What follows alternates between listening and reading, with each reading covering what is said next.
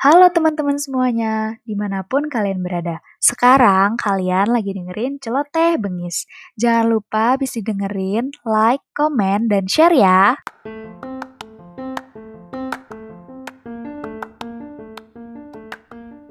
Hai guys, welcome to our first podcast. Asik-asik. Wah, ini podcast pertama banget nih, Sil. Betul banget. Kalau kata orang nih terkenal maka tak sayang. Kalau gitu kita kenalan dulu ya Mar. Pertama dari aku sendiri nih. Halo, perkenalkan nama aku Silva, mahasiswa psikologi Unisba. Dan nama aku Margaret, mahasiswa psikologi Maranatha. Nah, di Celote Bengis episode pertama kita pada hari ini, kita akan ngebahas mengenai verbal abuse dalam sosial media. Eh, tapi sebelumnya, aku mau nanya dulu nih ke kamu, Sil. Kamu ngerasa gak sih sejak mulai pembelajaran online atau daring, malah makin sering buka sosmed? Hmm, bener banget tuh uh, jadi aku merasa seperti sering main sosmed gitu karena ya setiap habis kuliah, habis beres-beres rumah atau melakukan sesuatu itu ya ujung-ujungnya main HP lagi gitu. sama banget sih, aku juga gitu. aku juga ngerasa hal yang sama. Habis gimana ya? Tiap hari itu ketemuannya selain sama keluarga ya sama tembok gitu kan. Emang sih sosmed ini benar-benar ngebantu banget buat tetap terhubung sama teman-teman yang lain. Bener banget tuh daripada kan di rumah ngeliatin tembok mulu gitu kan.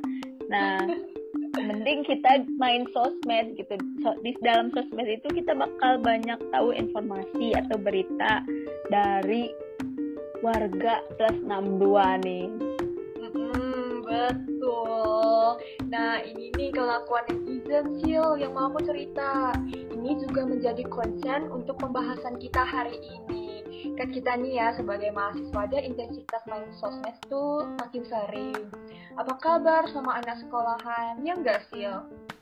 Iya, betul tuh. Mereka juga pasti makin sering nih main sosial media. Soalnya gak jarang nih aku nemu akun-akun yang bertebaran di timeline aku pikir di balik akun itu mereka orang dewasa. Ternyata masih anak sekolahan loh. Ya usia SMP sampai SMA lah.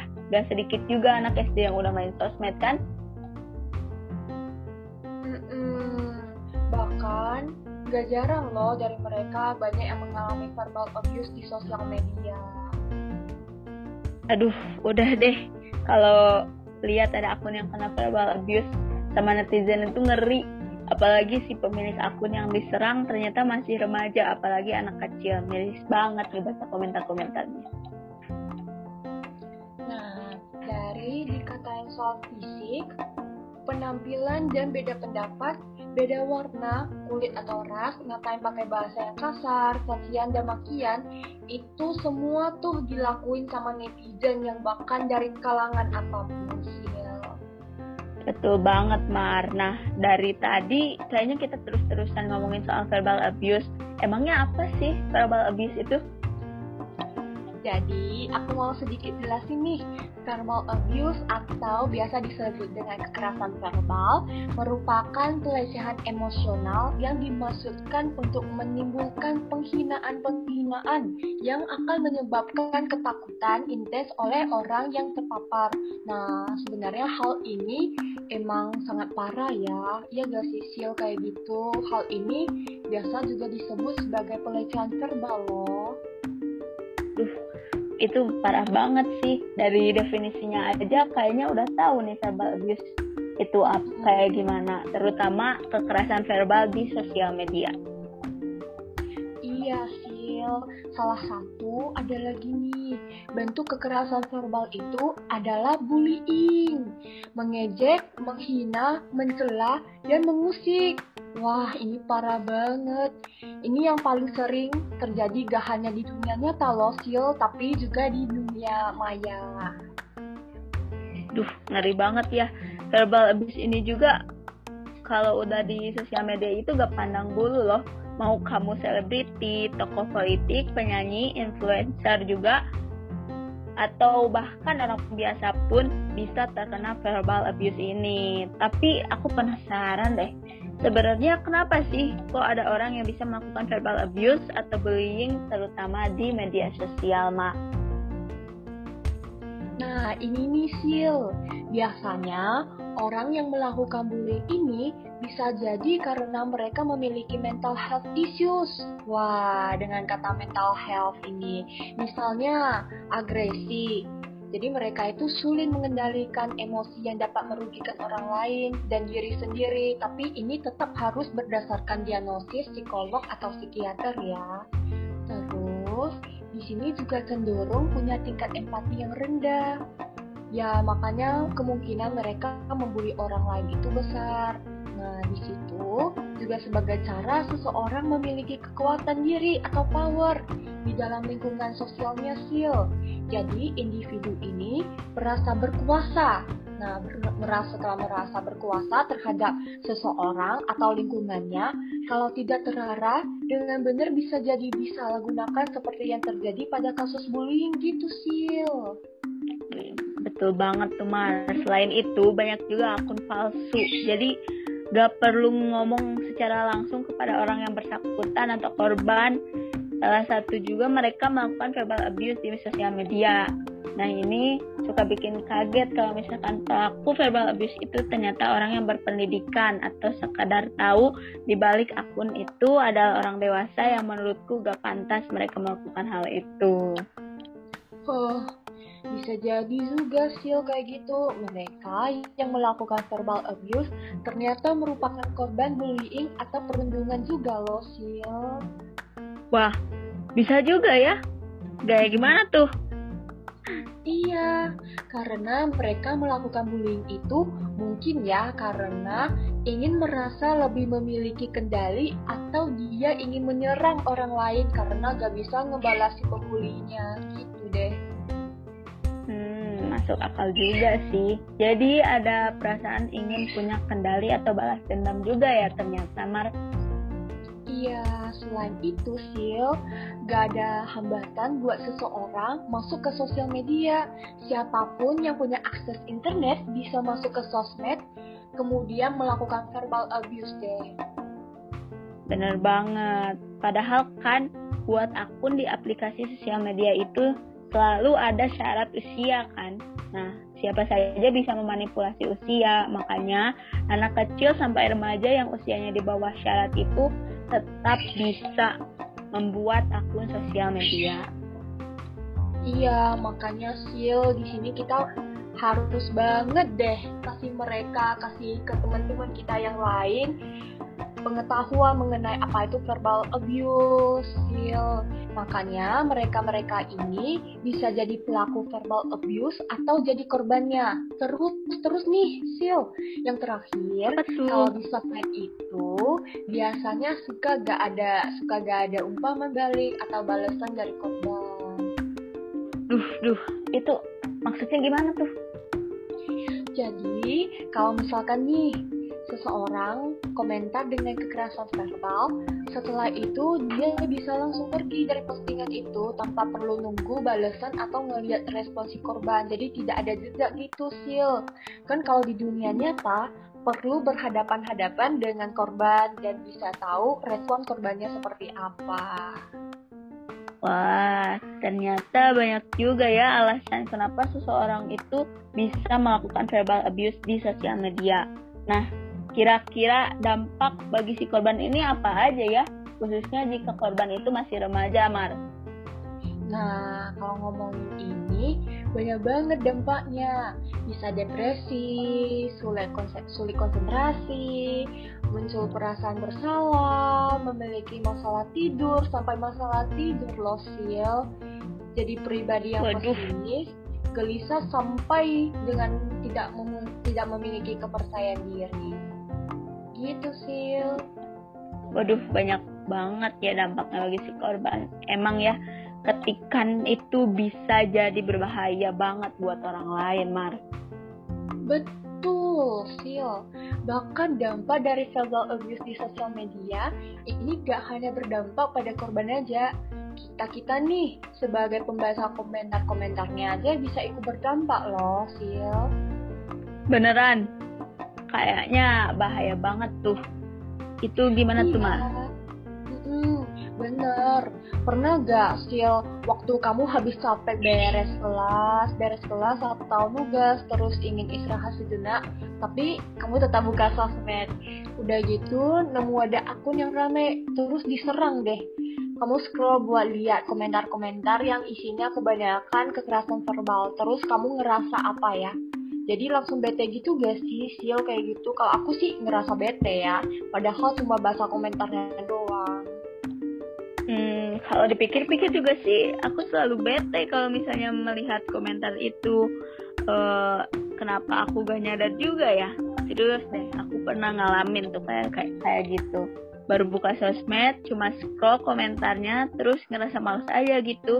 Atau enggak, malah tiba-tiba bete gara-gara baca komentarnya. Padahal kan di komentarinnya juga bukan aku. Iya, gitu deh Sil. Nah dari sini kita akan berbagi sama kalian, sama teman-teman yang dengerin podcast kami. Gimana sih cara agar kita sendiri tidak menjadi pelaku kekerasan verbal? Betul banget. Dan cara ini bisa diterapkan gak hanya di dunia maya, tetapi di dunia nyata juga bisa ini nih aku mau sedikit berbagi dalam buku filosofi teras karya Henry Manampiring dari ajaran filosofi stoicisme menjelaskan nih bahwa pada dasarnya emosi dipisu oleh penilaian, opini atau persepsi kita. Nah, dan uh, dalam buku tersebut terdapat teknik namanya teknik STAR S T A R yaitu stop, think, and assess, and yang terakhir respon. Stop atau berhenti, di mana kita memulai merasakan emosi negatif, kita perlu secara sadar berhenti sejenak dan jangan terus berlarut dalam perasaan tersebut. Lalu ada lagi nih, teman-teman. Think and assess, yaitu pikiran dan nilai. Di sini, ketika kita sudah berhenti sejak kita dapat aktif berpikir, memasakkan diri untuk berpikir secara rasional saja sudah mampu mengalihkan kita dari menuruti emosi tersebut loh. Kemudian, mulai menilai apakah emosi saya ini terjadi karena sesuatu yang ada di dalam kendali saya atau di luar kendali saya ya. Apakah perasaan saya ini bisa dibenarkan atau tidak ya? Nah, yang selanjutnya yang terakhir ada respon. Sesudah kita menggunakan nalar, kita berupaya untuk berpikir rasional dalam mengamati situasi. Barulah kita memikirkan respon apa sih yang akan kita berikan. Respon itu bisa berupa ucapan ataupun tindakan. Nah, ini nih teman-teman guys, teknik ini terapin kan yang dapat memancing emosi kita nih. Jangan lupa ya teman-teman, kalau lupa bisa balik lagi dengerin podcast kami. Oke. Okay? Betul banget tuh. Nih sebelum kita ngirim, kita harus menilai komentar yang akan kita posting itu baik atau buruk. Setelah dirasa ternyata komentar itu negatif dan akan memicu emosi negatif lebih negatif, lebih baik kita tidak usah berkomentar di postingan tersebut. Yes, betul sekali. Tepat, Silva. Nah, jadi kita juga harus berhati-hati ya untuk upload atau update sesuatu di media sosial.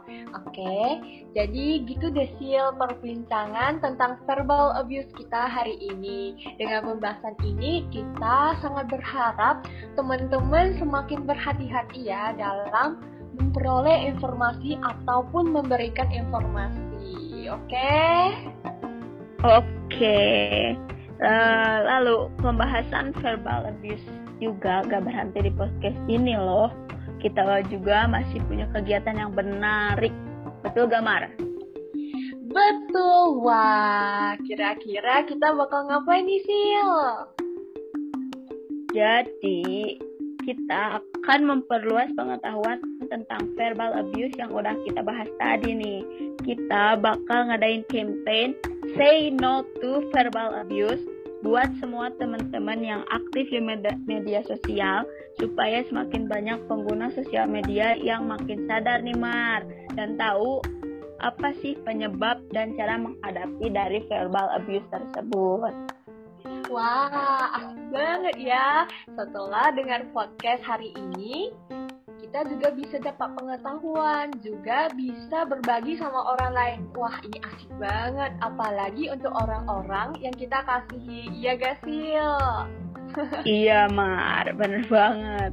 Pasti gak mau kan teman dekat kita, adik kita, atau gebetan kita sekalipun jadi korban verbal abuse nih. Jadi jangan ketinggalan ya sama campaign kita ini.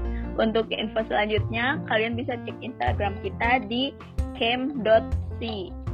Di situ bakal ada info tentang campaign kita yang bakal diadain besok, Mar. Iya, ayo teman-teman yang udah dengerin podcast kami, jangan lupa pada ikutan ya, kami sangat tungguin kalian loh. Terus teman-teman sekali lagi, jangan lupa untuk cek Instagram kami yaitu cam.c. Jangan lupa follow kami dan like postingan kami ya teman-teman karena kami bikinnya dengan hati. Oke. Oke, sayangnya nih Mar, waktu kita untuk pamit undur diri. Ya, super banget. Perasaan aku baru ngomong beberapa detik deh.